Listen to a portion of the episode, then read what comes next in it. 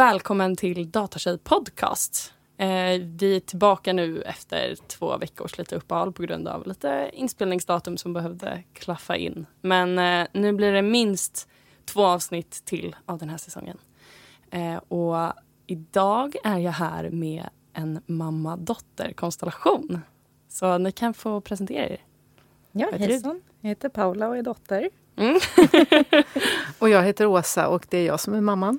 Ja, så vi ska prata lite om om eran IT-dataresa och hur det har, har sett ut med att ha en mamma som inspiration och så vidare. Så ja, jag tänker att vi börjar som jag brukar börja den här podden. Vad, vad var er relation till data och IT när ni typ så gick i gymnasiet eller var ännu yngre? Ja, eh, eftersom jag föddes först så tänker jag att jag börjar. Ja, det låter bra. Eh, och egentligen var det väl så att ja, man kan fråga sig, och det här låter ju lite jobbigt eftersom det, det blir tydligt hur himla gammal jag är. Men att det fanns ju inte jättemycket data eh, när Nej. jag växte upp och gick i skolan. Men jag var från början intresserad av de eh, naturvetenskapliga ämnena och sen mm. på högstadiet så började det dyka upp att vi hade någon så enkel programmering i alla fall. Mm. Och det tyckte jag var kul. Jag har alltid gillat det här med logik och mm. eh, liksom, ty- jag gillade matte för det var väldigt tydliga regler i det. Ja. Och det gillar jag. Eh, men sen när man skulle välja linje till gymnasiet, då var det nog inte helt självklart vad det skulle bli. Det blev det när det var några killar i klassen som sa att ja, tjejer kan ju i alla fall inte välja teknisk linje på gymnasiet. Ja. Eh, och då var jag tvungen att motbevisa det. Ja. Och så blev det teknisk linje och eh, även medicinteknisk gren i mm. slutet av gymnasiet. Eh, och där kom ju det tillbaka lite mer med eh, IT. Det hade väl dykt upp lite grann. Vi hade lite, liksom, man kan väl kalla det för förberedande ämnen mm. mera. Eh, men när vi började på medicinteknikåret då kom vi mera in på... Då pratade man ju fortfarande om att IT var någonting som skulle komma lite mm. längre fram. Mm. Eh, och det kanske skulle komma och ha koppling till medicinteknik men det var inte riktigt Nej. där ännu.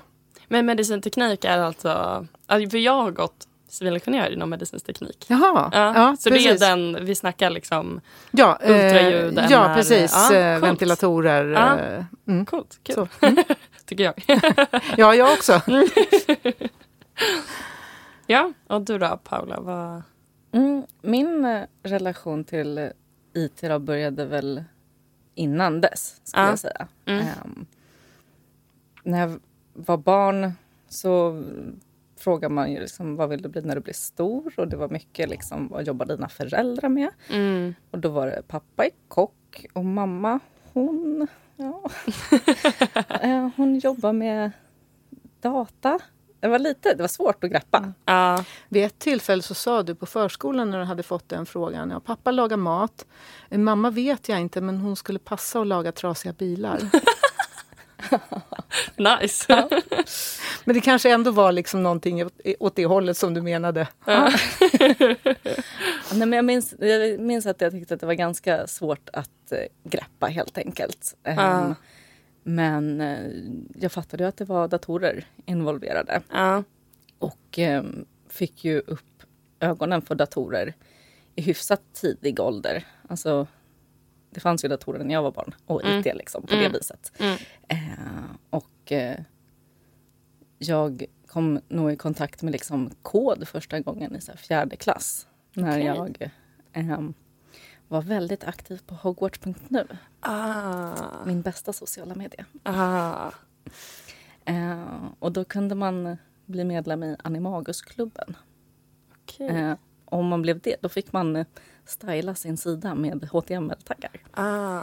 Mm. Eh, så det var ju så här, min första tändning på bara, aha, kolla jag kan styra hur saker och ting ser ut och har sig genom liksom lite krumelurer. Ja. Eh, superspännande. Ja. Eh, verkligen. Så att eh, där var jag såld ja. egentligen. Ja men kul för att jag, det är många som har gästat som har gjort ja, men exakt ord, inklusive jag själv. Inte på Hogwarts kanske men på andra liksom, sidor. Men att det var först när någon tog upp det i podden som jag bara Men just det, mm. det är ju liksom kod och programmering. Varför? Men att jag liksom inte drog den kopplingen då när jag var Nej. så... Och det är det som jag kan tycka är så synd. Nu är det ju inte samma grej idag kanske. Ehm, för de slags forumen finns inte riktigt på samma sätt nu. Drag and drop. Ja. Mm. Men att man liksom inte kopplade till att det här är teknik och det här är Nej. programmering. Liksom. Nej, precis. Mm. Det var mycket det här med att liksom lista ut koder till olika spel och, och allting. Då, jag kunde vara tvungen att kolla i böcker ibland, alltså instruktionsböcker för att lista ut olika ledtrådar. Eh, Kul! Ja, det tyckte jag. och sen så kändes det alltid liksom... Ja, mamma hon jobbade på inom data liksom och det var stabilt och tryggt och det gick bra för henne. Så att det har alltid känts liksom som att ja, det ska väl jag också göra. Ja, så när du skulle välja gymnasium, vad, vad ja, men Då var jag ju rebell. Aha. Då skulle jag vara estet. Ah. Ja, så mm. då gick jag fotografering. Okay. Ja. men bildredigeringen var ju faktiskt... Eh, alltså, mm. Där är det ju teknik inblandat. Ah. Um, men jag insåg väl ganska fort egentligen att uh, det kanske inte var karriären som jag påbörjade där Nej. i gymnasiet. Mm. Um, utan det kom ju efter några år efter gymnasiet så började jag plugga datasystemvetenskaplig linje. Okej. Okay. Mm. Så det var ändå högskoleförberedande estet? Det var det. Ja, men vad skönt. Mamma bankade in lite vett ja. ja, men Jag hade nog en sån där teori då att egentligen så tänkte jag att det spelar inte så himla stor roll vilken gymnasielinje man väljer. Nej. Men att det är ganska bra om man tar sig igenom gymnasiet. Mm. Och du var väl lite skoltrött periodvis i alla fall. Då tänkte jag men det är väl bra eh, om det är det här med foto och estetiska ämnen. Om det gör att man orkar igenom gymnasiet mm. så är det bättre än att man inte orkar igenom gymnasiet. För det blir mycket tyngre om man ska göra det efteråt. Ja, verkligen. Verkligen. Smart. Mm. Men jag tror aldrig jag försökte påverka dig specifikt att Nej. läsa något naturvetenskapligt. Eller gjorde jag det? Nej, det gjorde du inte. Däremot så tyckte du att eh, spelprogrammering var kanske lite väl snävt på universitetet. För det var det jag sökte först. Ja, det kanske det var. Jag kommer inte riktigt ihåg. ja, men jag, jag lyssnade så att jag valde ju den bredare linjen, datasystemvetenskap. Och det är jag glad för idag. Ja. Faktiskt. Ja, men nice. Mm. Ja, men när, när du skulle välja utbildning då? Var... Eh, när jag skulle välja utbildning, det gjorde jag inte förrän jag var tvåbarnsmamma. Mm. Eh, för jag började liksom med fel ordning och fick barn väldigt tidigt. Okay. Eh, så då när jag sen skulle välja högskoleutbildning, då hade jag nog dels kommit en bit ifrån själva pluggandet och så hade jag ganska på något vis lågt självförtroende kring vad jag skulle klara av. Mm. Så först så trodde jag att jag skulle bli förskollärare. Och det är väl någonting som jag fortfarande tycker att det är ett väldigt viktigt yrke. Mm. Eh, och att Absolut. förbereda barnen för vad de nu ska tänkas göra efter det. Mm. Eh, men jag märkte ganska snabbt att det var inte min grej. Mm. Eh, utan då valde jag om och läste en tvärvetenskaplig utbildning med medicinteknik och företagsekonomi. Mm Så det var egentligen eh, företagsekonomi, fysik och medicinteknik då. Mm-hmm. Men kom under utbildningen ganska snabbt in på, på IT-delarna i utbildningen och just där medicinteknik möter IT. Okay. Det var i slutet på 90-talet när man pratade mycket om telemedicin och man började med videokonferenser och så mm. inom eh, medicinområdet. Mm. Eh, så då tyckte jag att det var det var liksom det som intresserade mig mest. Mm. Så att jag har aldrig jobbat som medicintekniker utan jag hamnade in på vård IT-området okay. direkt. Ja.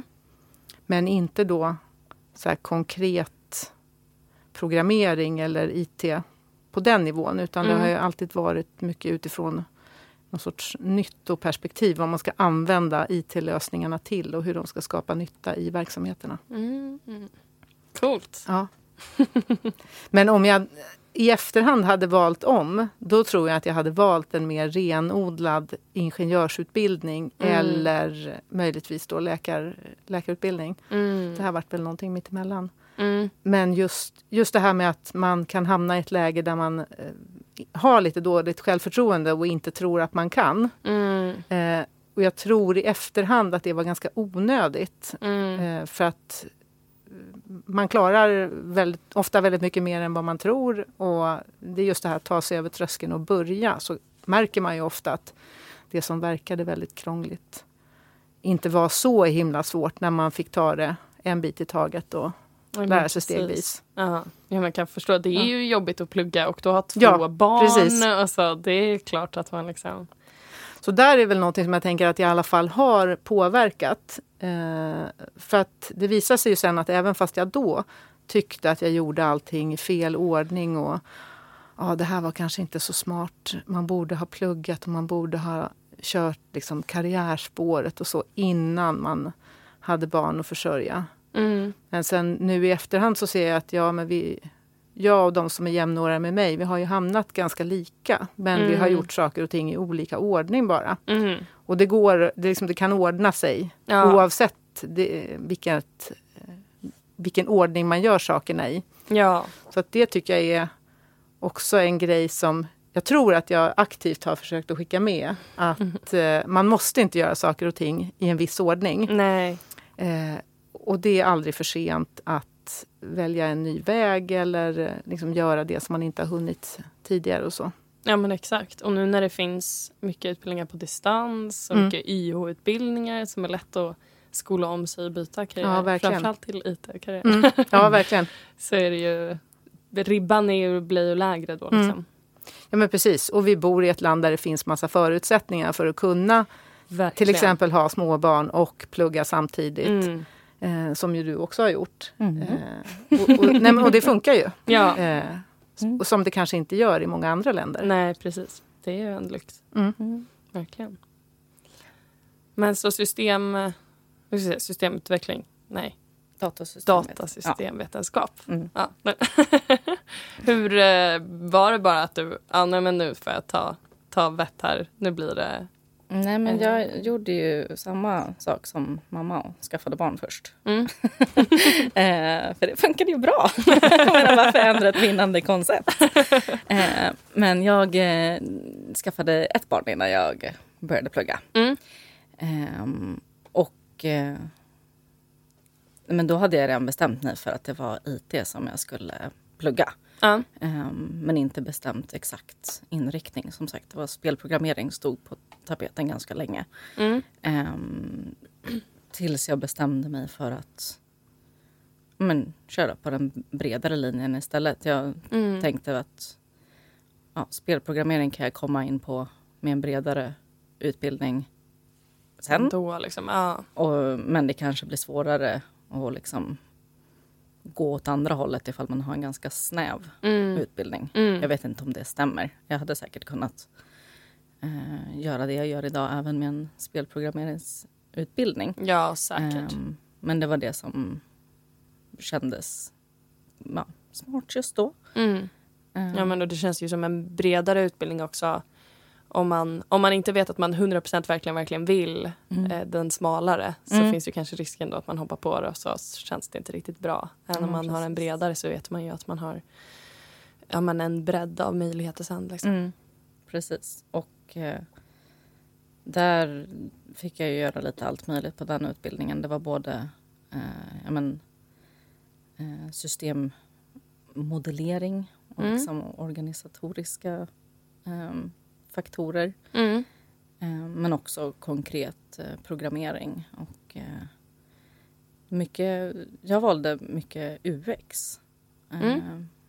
Alltså, var, User experience. exakt. Ja. Jag brukar försöka, om det är begrepp som inte är så vanliga så brukar jag försöka få in att förklara dem. Så att Ja. ska, Även om man inte har liksom, hållit på eller om man går i gymnasiet utan en aning så ska man Mm. kunna hänga med. Men ibland är jag dålig på det. Om jag säger något begrepp får ni säga till mig också. Mm. Ehm, ja, men det var det som jag tyckte verkade kul då.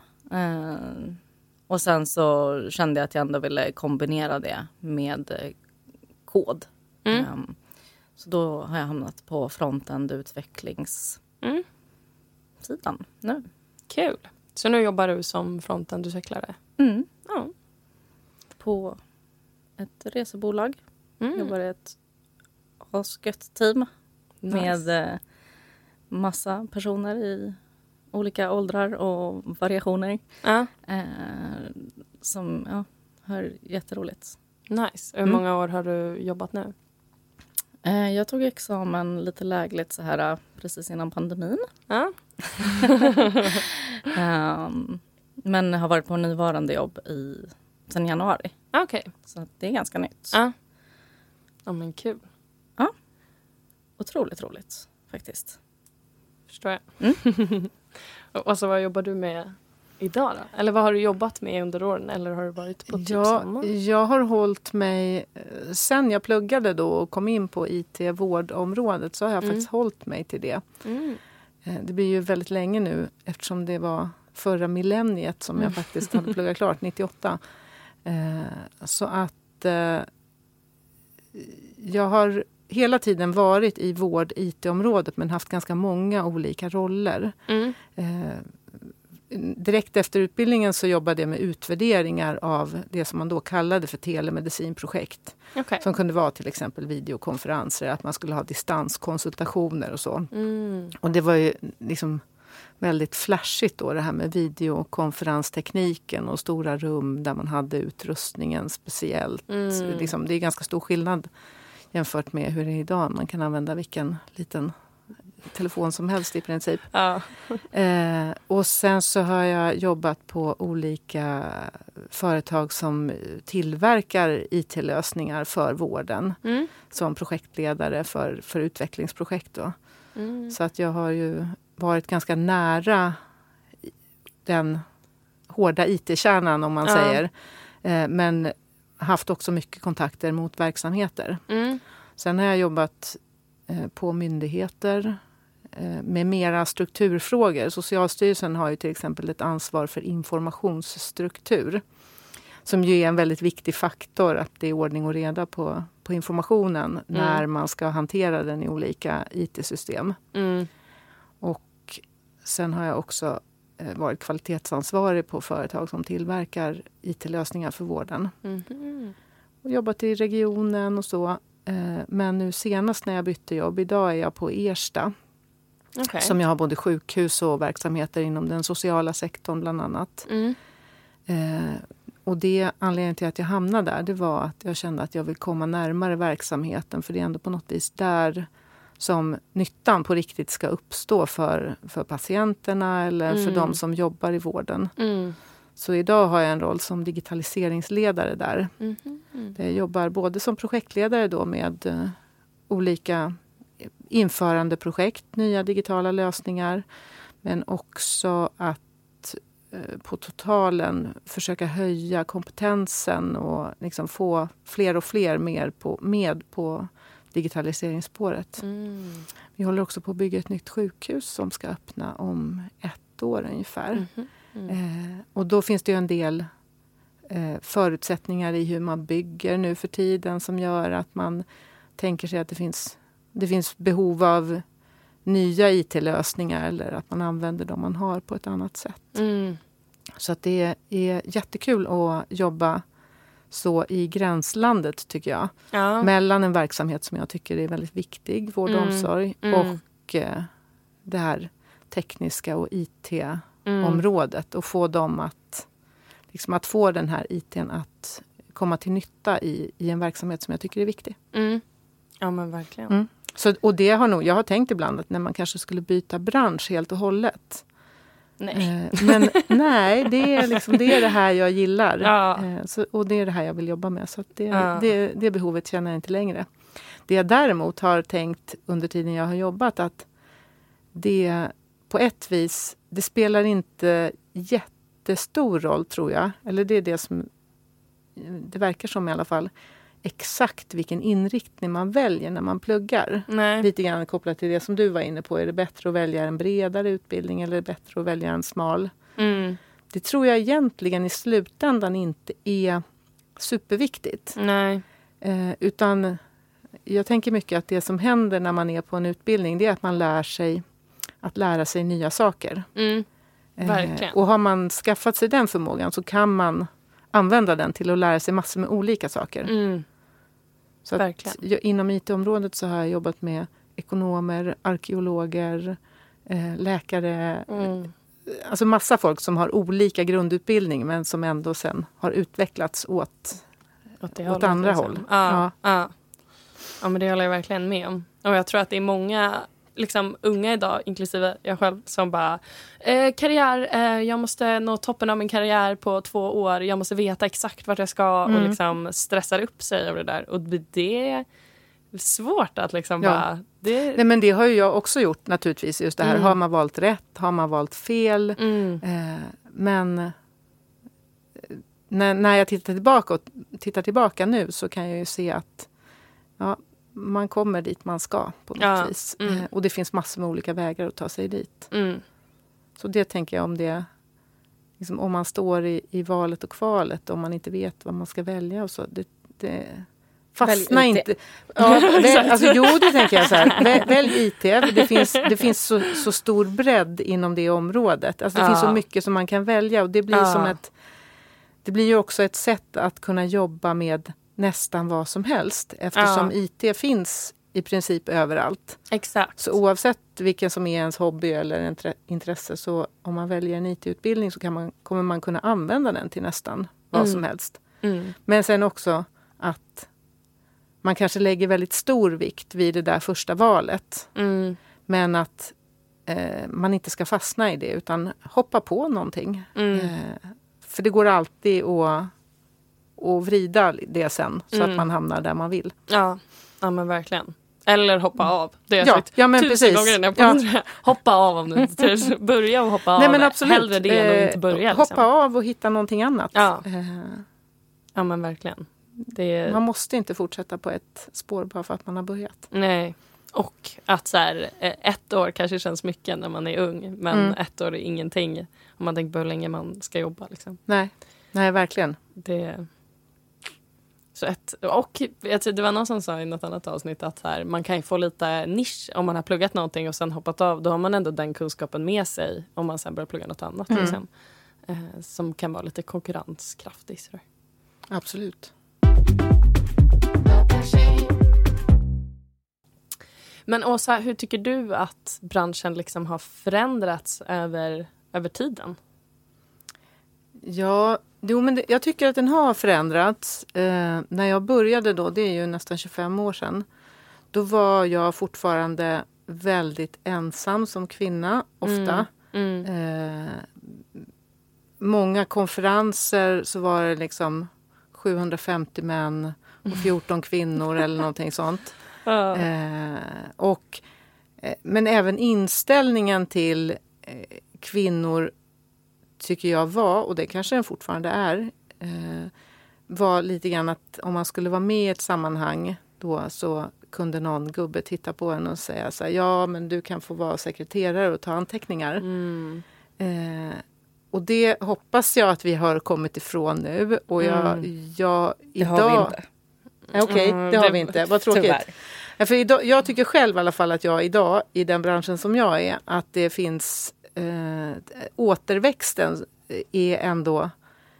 Eh, det dyker upp många unga starka kvinnor som har ett tydligt ledarskap och som eh, tar plats Mm. eh, på ett sätt som jag i alla fall kan se att jag inte själv gjorde när jag var där. Mm. Eh, men ja, uppenbarligen så är vi inte riktigt ända framme. Har du också blivit om det och ta anteckningar eller? Ja, men ja, vi är inte i mål än. Det kanske har blivit bättre. Jag tänkte på det också som du säger att det dyker upp fler och fler kvinnor och att du nämnde att du hade lite sämre självkänsla när du gick in i IT-världen. Eh, och det hade ju inte jag på samma sätt. Eh, så du tryckte ju inte så mycket på att jag skulle plugga, plugga, plugga IT.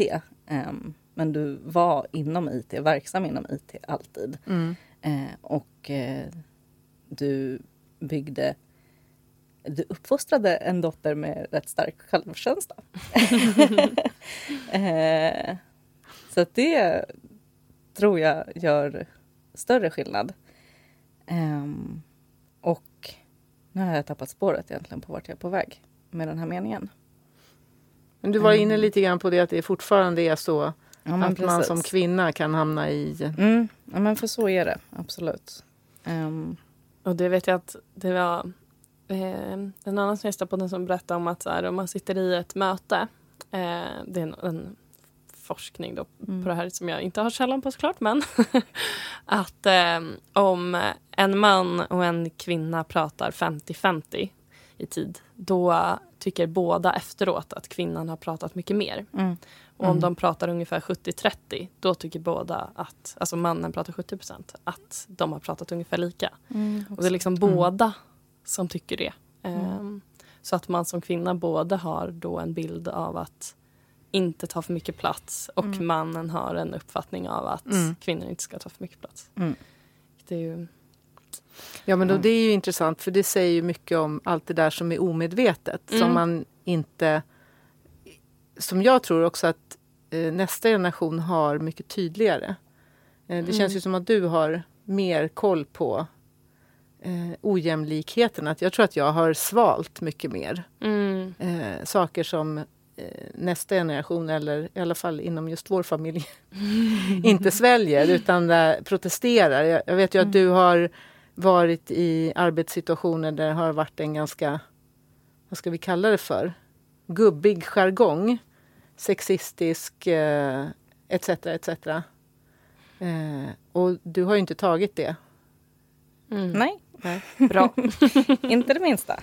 Um, Nej men eh, precis. Jag, jag, kan skriva under på att eh, det absolut fortfarande finns en förväntan på att enskilda kvinnor i möten exempelvis ska administrera på olika sätt. Det kan mm. handla om att um, ja, agera sekreterare mm. eller bara vara liksom hålla koll på klockan och liksom mm assistera, lägga tid på det som eh, liksom inte är core-ämnet mm. i det som, som diskuteras. Ja men verkligen. Och det tycker jag att man kan se ibland på arbetsplatser också. Att det är som att det blir kvinnornas uppgift att typ hålla koll på födelsedagar eller liksom, mm. Eh, mm. fixa fika eller göra de, de mm. grejerna runt omkring som inte liksom, ja, men är core-delen av av arbetet och av eh, företaget egentligen men som liksom hamnar på deras mm. bord.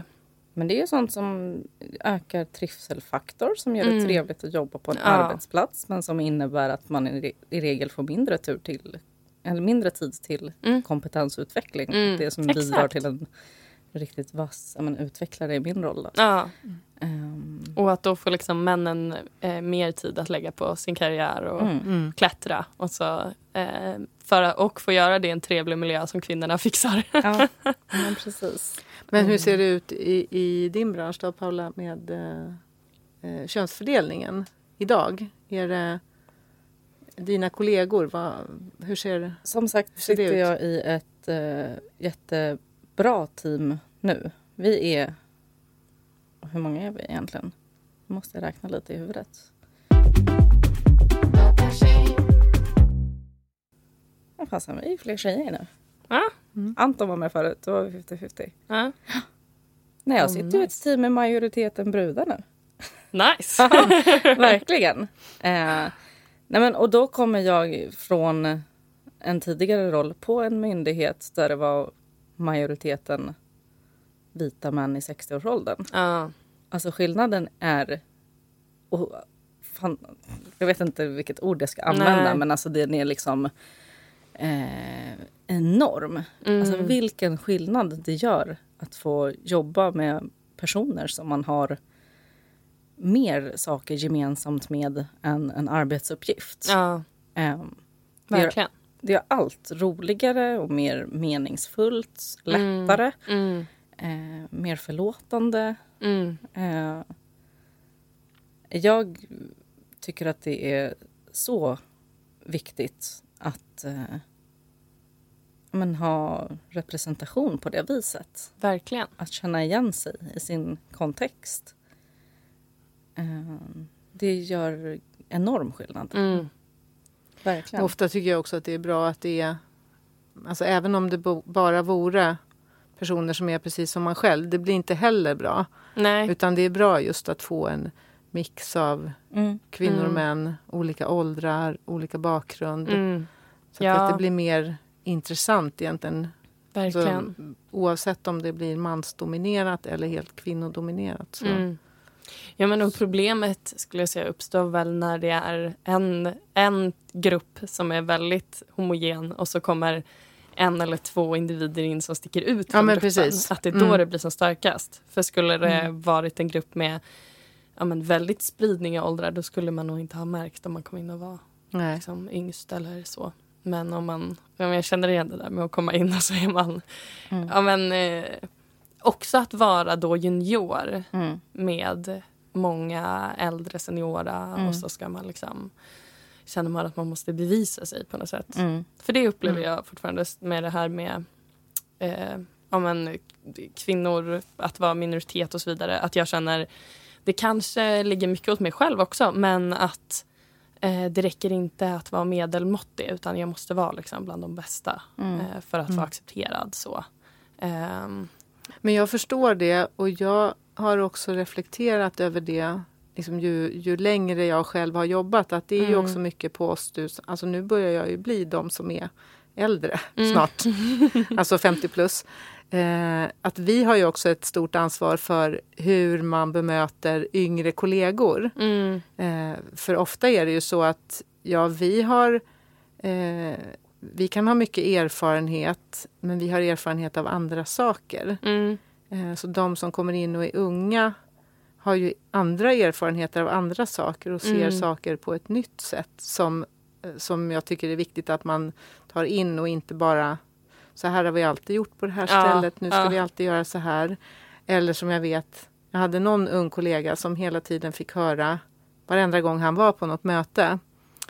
Åh, men du är lika gammal som mina barn. ja, Och, och, alltså, en gång kanske det funkar, men när man var, på varje möte får höra åh, du är lika gammal som mina barn, då blir man på något vis också lite omyndigförklarad. mm, mm, verkligen. Eh, så att, eh, och det tycker jag är viktigt att, att det inte ska vara så. Utan, Mm, Och det tycker jag man märker ju, eh, ju längre man jobbar att de som man faktiskt jobbar bäst ihop med, mm, det kan ju vara eh, personer som är väldigt olika en själv, som har väldigt olika bakgrund, men där man kompletterar varandra. mm, Så att... Eh, och det, det tänker jag att vi som är äldre eller vi som har liksom tror oss sitta på erfarenheten att lite grann eh, släppa prestigen och eh, bjuda in de yngre. mm. E- eller de som är eh, annorlunda, liksom har någon annan bakgrund än vad man själv har. Mm. Ja, verkligen. verkligen. Men om vi vill eh, inspirera fler då? Jag tänker Paula, du som har haft inspiration i familjen. Mm. Vad tänker du kring barn idag? Ja, men jag tänker alltså, mamma kom in i IT-världen 98, jag är född 92. Mm. Så att jag menar, jag var ju väldigt ung när liksom IT blev en del av mitt liv. Mm. Eh, och jag kan ju bara tala för mig själv, men det har ju gjort att IT-världen, alltså den var alltid ett alternativ. Mm. Ett ganska lätt alternativ. Mm. alltså liksom, det var uppenbart bara. Liksom. Det fanns Mm. inga tvivel. Eh, och jag tror att det liksom har jättemycket att göra med att det var just mamma Mm. som var där. Eh, och inte pappa. Mm. Ehm, för att det är... Nej men jag kan ju se mig själv växa upp till, till kvinna. Liksom. Mm. Ehm, och jag tror att det här med att synas och eh, synas för unga flickor att liksom vi finns. Eh, och vi är verksamma och gör nytta och skillnad och coola saker Mm. eh, inom IT-världen kan inspirera till att det blir ännu fler. Det är det jag hoppas i alla fall. Jag vet inte exakt hur man gör mer än att liksom synas. Ja, Mm. Ja, synas. det håller jag Eh. verkligen med om. Det här podcasten tycker jag är ett fantastiskt initiativ liksom, som synliggör massa coola kvinnor som gör liksom, men som du var inne på mamma också, att det finns så otroligt mycket att göra inom IT. Ja, Mm. Det är inte så snävt eller svårt eller omöjligt som det som jag upplever att många har liksom, som många tror. Ja, Nej, men jag, jag tänker att det har varit, och så kanske det är när någonting är alldeles nytt. Jag fick en jättefin bild av en kompis här för något år sedan. Eh, Han hade fotat en kokbok från 1940-talet. mm. Och då hette den bo, vad heter det? Koka, baka, stek elektriskt. eh, att det var liksom en, en grej. det nya. Att, ja, men precis. Det var lite flashigt att man skulle Mm. göra det här med, med elektricitet. Mm. Och jag tänker lite grann att det är samma sak med IT eh, nu. Eller det har, i alla fall, vi, jag hoppas att vi är på väg ur den fasen. Mm. Men det har, jag har upplevt ofta under mitt yrkesliv att man har liksom haft sin verksamhet Mm. och sen så har man ett IT-projekt vid sidan av. Mm. Eh, för det är inte det. Alltså vi håller på med vår kärnverksamhet som kanske är vård eller inte vet jag vad det kan vara för någonting. Mm. Det är det jag kan bäst. Och sen så kommer det någon och ska driva ett IT-projekt. Mm. Och då är det någonting annat vid sidan av som uppfattas som lite, lite konstigt och, och lite svårt. Mm. Också för att de som håller på med IT, ibland i alla fall, och jag vet inte riktigt varför, men ibland så tror jag att det kan vara för att man ska känna sig lite ball. Så använder man eh, så här, eh, begrepp som är väldigt i, bara förstås i en liten Ja. grupp Mm. eh, bokstavsförkortningar, akronymer och så som Mm. gör att faktiskt man utesluter väldigt många andra. Mm. Eh, och genom att eh, liksom integrera verksamheten och IT-projekten. Och Mm. liksom, IT är ju en möjliggörare för att åstadkomma saker. Det har ju liksom inget eget, eget värde i sig ofta. Eh, och också att prata om det i sådana termer som gör att man förstår att det är inte någonting jättesvårt eller eh, helt annorlunda. Jag vet inte riktigt hur jag ska beskriva det. Men jag tror att det ofta handlar, det, eller det kan handla i alla fall, eller det har jag upplevt inom vårdområdet, att det spelar väldigt stor roll hur man pratar om det. Mm. Mm. Det håller jag verkligen med om. Och jag känner igen det där just med att en del, eh, kanske framförallt män, gärna vill liksom eh, slänga sig med, med de här svåra Mm. orden. Och jag tror att det är som du säger, att man vill visa sig smart och kunnig och lite ball och liksom... Ja, och känna att man... Alltså, det är ju det är på ett vis, kan man tänka, ett konstigt sätt att visa att man behärskar någonting. Mm, Genom, genom att, att göra det så andra. uteslutande Ja. som möjligt. Jag tänker att det, det är ju tvärtom ofta, när man kan förklara någonting på Ja. ett enkelt sätt. Det är ju då som liksom det verkligen kan hända någonting Ja. också. Och det, att det är en, en förmåga i sig att kunna ta ner saker och ting på jorden. verkligen. Det håller jag verkligen med om.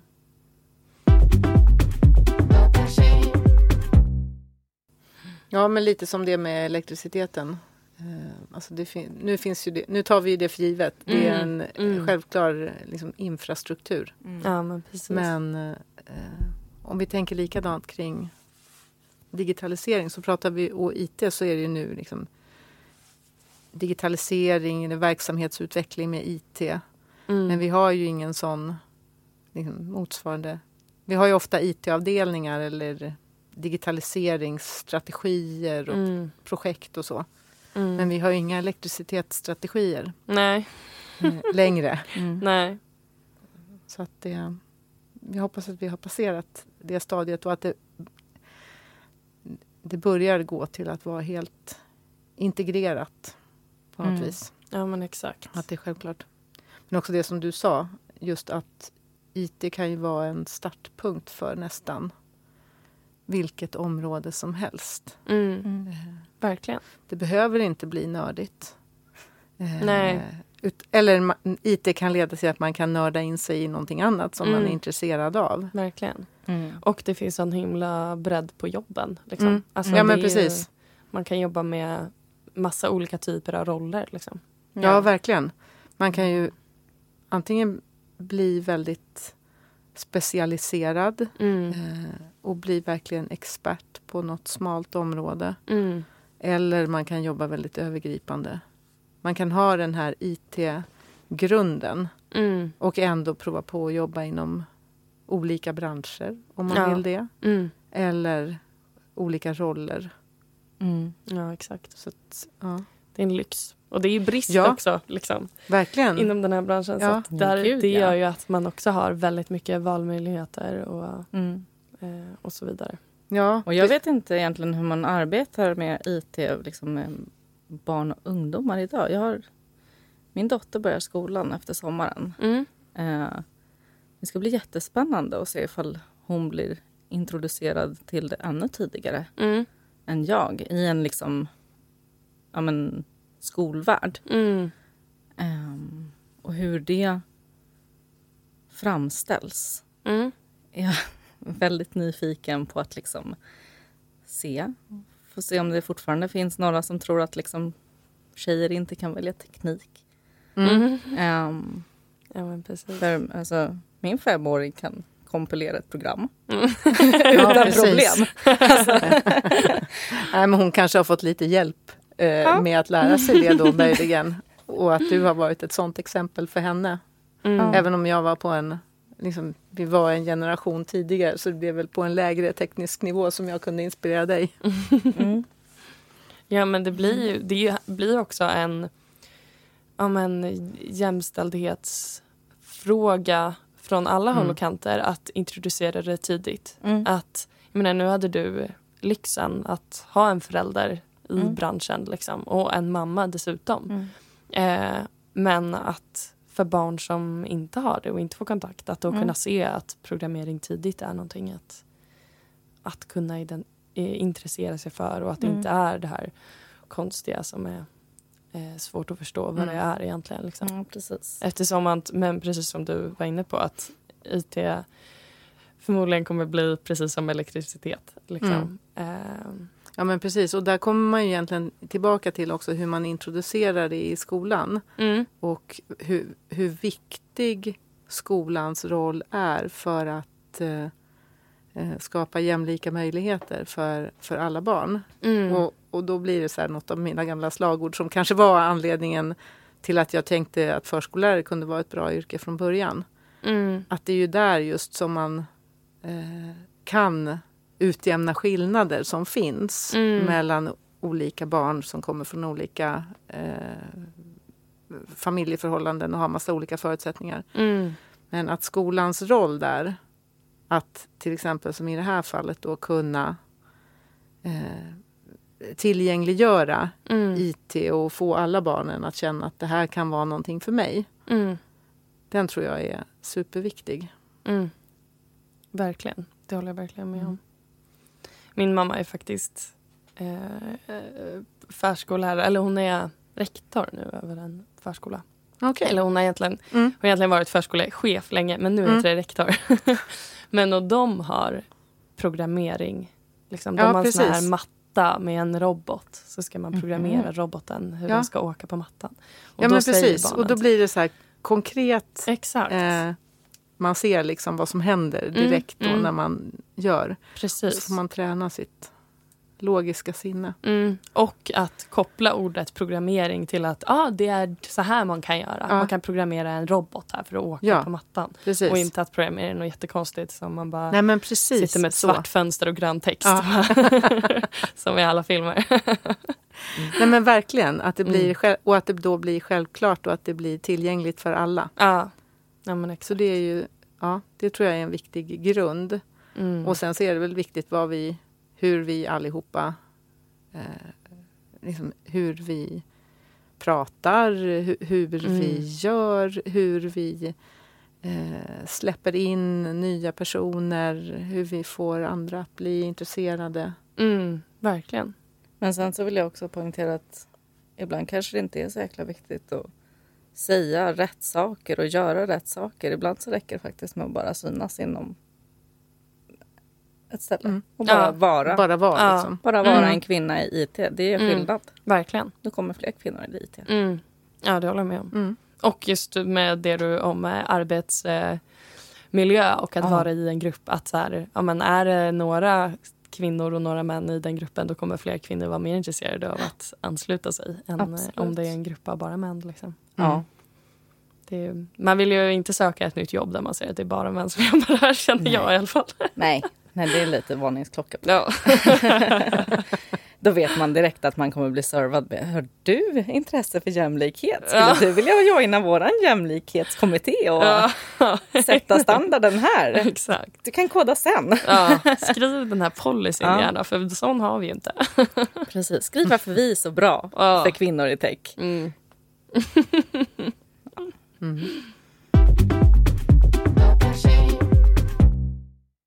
Men eh, tack för idag hörni. Tack för att ni ville komma hit och gästa. Mm. Tack för att vi fick komma hit. Det var jättekul. Ja, hur kul som helst. Tusen tack. Ja, tack. Eh, och så vill jag också tacka Tom Gorren för introt till podden. Sonica Studio för att vi får spela in här. Eh, och så får ni gärna bli medlemmar på, till, på Datatjej, på datatjej.se. Eh, och följa oss på Instagram, Facebook och LinkedIn där vi heter Datatjej. Och har ni några frågor, förslag eller tankar om podden så får ni gärna mejla mig på min nya mejladress podd Tack!